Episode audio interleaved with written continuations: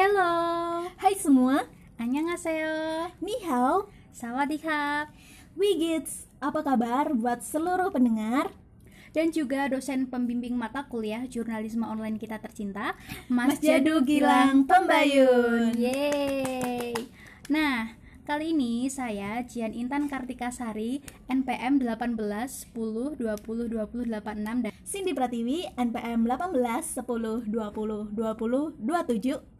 Bakalan ngobrolin tentang citizen journalism yang akhir-akhir ini viral di masyarakat baik Indonesia maupun dunia.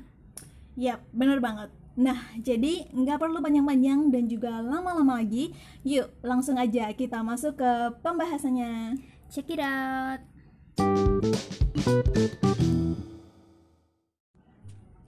Oke, seperti yang udah kita jelasin sebelumnya, di podcast kali ini kita bakal bahas tentang citizen journalism. Sebelumnya aku bakal jelasin dulu nih definisi dari citizen journalism atau yang biasa kita singkat dengan CJ. Jadi, CJ ini adalah sebuah posisi di mana internet itu ngasih ruang buat warga untuk ikut berpartisipasi dalam penyebaran informasi dan juga berita sehingga si warga ini tuh bisa melakukan proses-proses jurnalistik seperti perencanaan, penggalian, pengolahan, dan juga mempresentasikan berita yang dia dapat secara langsung. Baik dalam bentuk tulisan, gambar, foto, laporan lisan, ataupun video. Nah, aku kasih contoh nih. Misalnya aku lagi ada di pinggir jalan, terus di jarak 100 meter dari sebelah kanan aku tuh tiba-tiba terjadi insiden kecelakaan antara pengemudi motor sama mobil. Terus kan itu rame banget kan ya pada berkerumun, orang-orang kan pada kepo tuh. Nah, aku tuh juga kepo. Kan terus jadi ikut-ikutan ke sana nih buat ngeliat juga. Dan di TKP tuh bener-bener miris banget sih, karena kendaraan mereka tuh hancur dan si pengemudinya atau si korbannya itu nggak sadar dan juga eh, luka parah gitu tanpa sadar nih aku ngerekam kondisi dari mereka dan situasi sekitar gitu. Terus aku update di instastoryku aku update kalau habis ada kecelakaan di tempat itu dan ngejelasin bla bla bla gitulah pokoknya.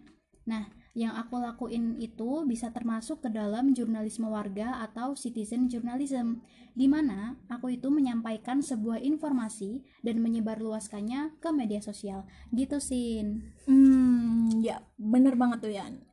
Jadi, bisa dibilang kalau misalnya internet itu megang peran penting banget dalam faktor eh, utama kenapa jurnalisme online sekarang ini bisa berkembang dengan sangat-sangat amat pesat.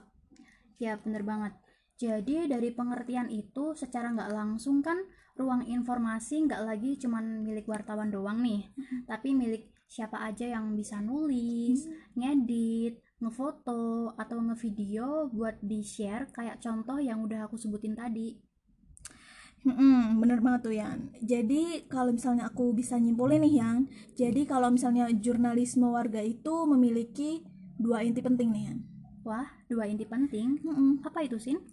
Jadi, yang pertama itu partisipasi warga dalam kegiatan mengumpulkan dan juga mengolah ber- berita, baik eh, dalam bentuk video maupun lisan. Terus, yang kedua, konten atau informasi yang di-share itu harus mengandung unsur-unsur hiburan dan juga menarik buat dibaca oleh publik. Nah, kedua hal ini eh, menjadi kayak eh, semacam selling pointnya gitu tuh Yan dari jurnalisme warga ini.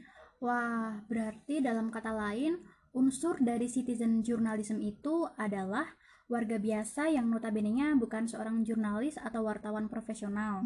Terus informasi yang disebar itu harus mengandung fakta. Terus si CJ ini juga nggak eh, juga harus peka akan fakta. Terus punya alat yang mendukung liputan, kayak paling nggak tuh pakai kamera HP gitu kan. Terus punya kemampuan nulis atau melaporkan dan punya jiwa semangat untuk nge-share informasi. Gimana? Gitu kan? Tepat banget tuh Yan. Tapi eh, dengan adanya CJ ini juga memberikan dampak loh Yan buat para jurnalis profesional untuk berbagi ruang informasi sama citizen journalism khususnya di sosial media.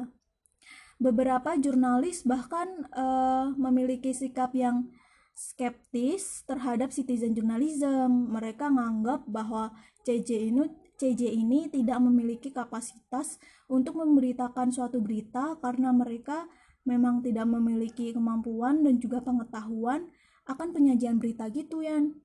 Wah, bener banget tuh Sin. Mereka uh, takut kredibilitas berita itu menjadi turun. Nah, itu yang disebut dengan isu kredibilitas.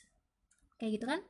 Nah, walau begitu, CJ ini juga dapat membantu jurnalis profesional dalam menjangkau berita. Ya nggak, Sin? Iya, media utama yang dulunya hanya menjadi kayak produsen atau yang memproduksi berita sekarang juga mengonsumsi berita nih Yan dari CD seperti yang uh, kamu bilang tadi mereka tuh mengonsumsi dengan menyunting berita untuk menjadi tambahan informasi mengenai berita yang akan disampaikannya nanti hal ini bisa kita lihat kok Yan di laman-laman besar uh, berita seperti kayak CNN News, TV One hmm. atau acara-acara berita lainnya di mana kadang mereka tuh juga sering menambahkan video-video amatir dari netizen contohnya tuh um, yang akhir-akhir ini terjadi tuh Yan yeah. Iya. uh, aku ngeliat berita nih kalau misalnya ada pesawat TNI AD yang jatuh di sebuah perumahan di daerah Riau gitu. Oh. Nah iya jadi cuplikan beritanya itu masuk uh, memasukkan kayak video-video amatir dari JJ terus uh, secara nggak langsung kan Yan kalau misal uh, kita simpulkan nih kalau misalnya CJ ini juga berperan penting kan dalam menambah informasi atau update bagi jurnalis profesional gitu. Uh, ya sih uh, setuju sih itu tapi kalau menurut aku nih di CJ itu ada kelemahannya sih buat aku. Kelemahan? Apaan tuh Yan kelemahannya? Jadi kelemahannya tuh kalau semua orang dianggap menjadi jurnalis maka akan banyak pula informasi dan berita yang beredar di masyarakat sehingga hal ini tuh buat masyarakat bingung akan berita yang benar dan berita yang salah jadi kelemahan selanjutnya itu juga bisa jadi si CJ ini nggak menyebarkan berita secara rinci atau full story gitu jadi kayak ada misinformasi dan menimbulkan uh, konflik serta opini sepihak seperti itu sih kalau menurut aku sih Wah, bener banget tuh Yan. Um, ngomong-ngomong nih Yan, kamu inget nggak uh, sama kasus Audrey yang viral banget tahun um, 2019 lalu? Um, Audrey yang cewek itu kan? Hmm, aku masih inget kok. Mm -mm. Nah, dari kasus itu kan ada sebuah video nih Yan dari CJ yang memperlihatkan kekerasan yang dialami oleh Audrey, seorang gadis SMP yang dikeroyok sama sekelompok siswa SMA gitu. Nah, dari video yang beredar di dunia maya tersebut menarik perhatian masyarakat nih yang hingga muncul sebuah petisi di uh, internet yaitu Justice for Audrey yang menggemparkan dunia dan juga pastinya Indonesia. Uh, akan tetapi nih Yan, dari hashtag tersebut membuat beberapa pihak yang sebenarnya tuh nggak terlibat secara langsung um, juga mendapatkan hukuman gitu ya kayak hukuman sosial gitu sehingga kayak ganggu psikologis pihak-pihak tersebut nah dari situ nih Yan. Akhirnya muncul nih fakta-fakta baru bahwa ternyata terdapat uh, kejanggalan dalam kasus tersebut yang akhirnya membuat masyarakat mempertanyakan apakah sebenarnya Audrey itu uh, bersalah atau enggak. Soalnya kan yang namanya ada asap tuh harusnya pasti ada api kan ya? Ya betul banget tuh. Nah jadi tuh uh, kemudian muncul kayak hashtag baru nih yaitu Audrey juga bersalah nah dari kasus yang uh, aku jelasin tadi nih mm-hmm. dapat kita simpulkan nih yang kalau misalnya informasi yang diberikan oleh CJ biasanya tuh tidak lengkap karena CJ tidak memiliki kemampuan dan juga keilmuan tentang jurnalistik seperti jurnal, jurnalis profesional. Ya, bener banget itu. Apalagi netizen zaman sekarang kan bener-bener ngeri banget kalau ngejudge di sosial media tuh. Kalau dari contoh cerita yang kamu ambil kan jadi kayak merugikan satu pihak ya. Dan pihak-pihak yang terkait secara langsung ini kan kasihan banget kalau harus menerima hujatan kebencian dari netizen Padahal netizen sendiri itu aslinya nggak ngerti cerita secara keseluruhannya. Kayak contohnya di akunnya itu loh uh, Lambe Turah kamu tahu nggak sih Hmm, itu kan uh, pernah tuh ya kayak uh, posting postingannya si Audrey dan banyak banget hujatan-hujatan di kolom komentarnya gitu kan kasihan banget ya Oh, gitu ya kasihan banget lah ya. Nah, kalau menurut aku nih Yan, informasi atau berita yang eh, tidak jelas dari CJ kayak gitu tuh eh, bakal dampak berdampak negatif juga nih. Karena masyarakat tuh lama-lama bakal kayak skeptis atau nggak percaya gitu tentang kebenaran berita. Hal ini pasti bahaya banget kan ya. ya Soalnya nanti kalau misalnya ada berita yang bener-bener eh, kayak berita yang bagus gitu yang terpercaya gitu dari CJ, tapi masyarakat tetap nggak percaya karena berita-berita yang sebelum-sebelumnya tuh kayak nggak bener gitu. Hmm, oke sih. Setuju banget sih itu. Nah, makanya si CJ atau citizen journalism itu sebenarnya itu nggak main-main loh, Sin. Sebagai eh, seorang CJ, mereka tuh perlu eh, dapat mengolah dengan benar dan mempertanggungjawabkan apa yang mereka beritakan gitu. Jadi biar nggak menimbulkan dampak seperti banyaknya hoax, terus too much information dan berita yang memiliki sudut pandang yang subjektif kayak kasusnya si Audrey tadi.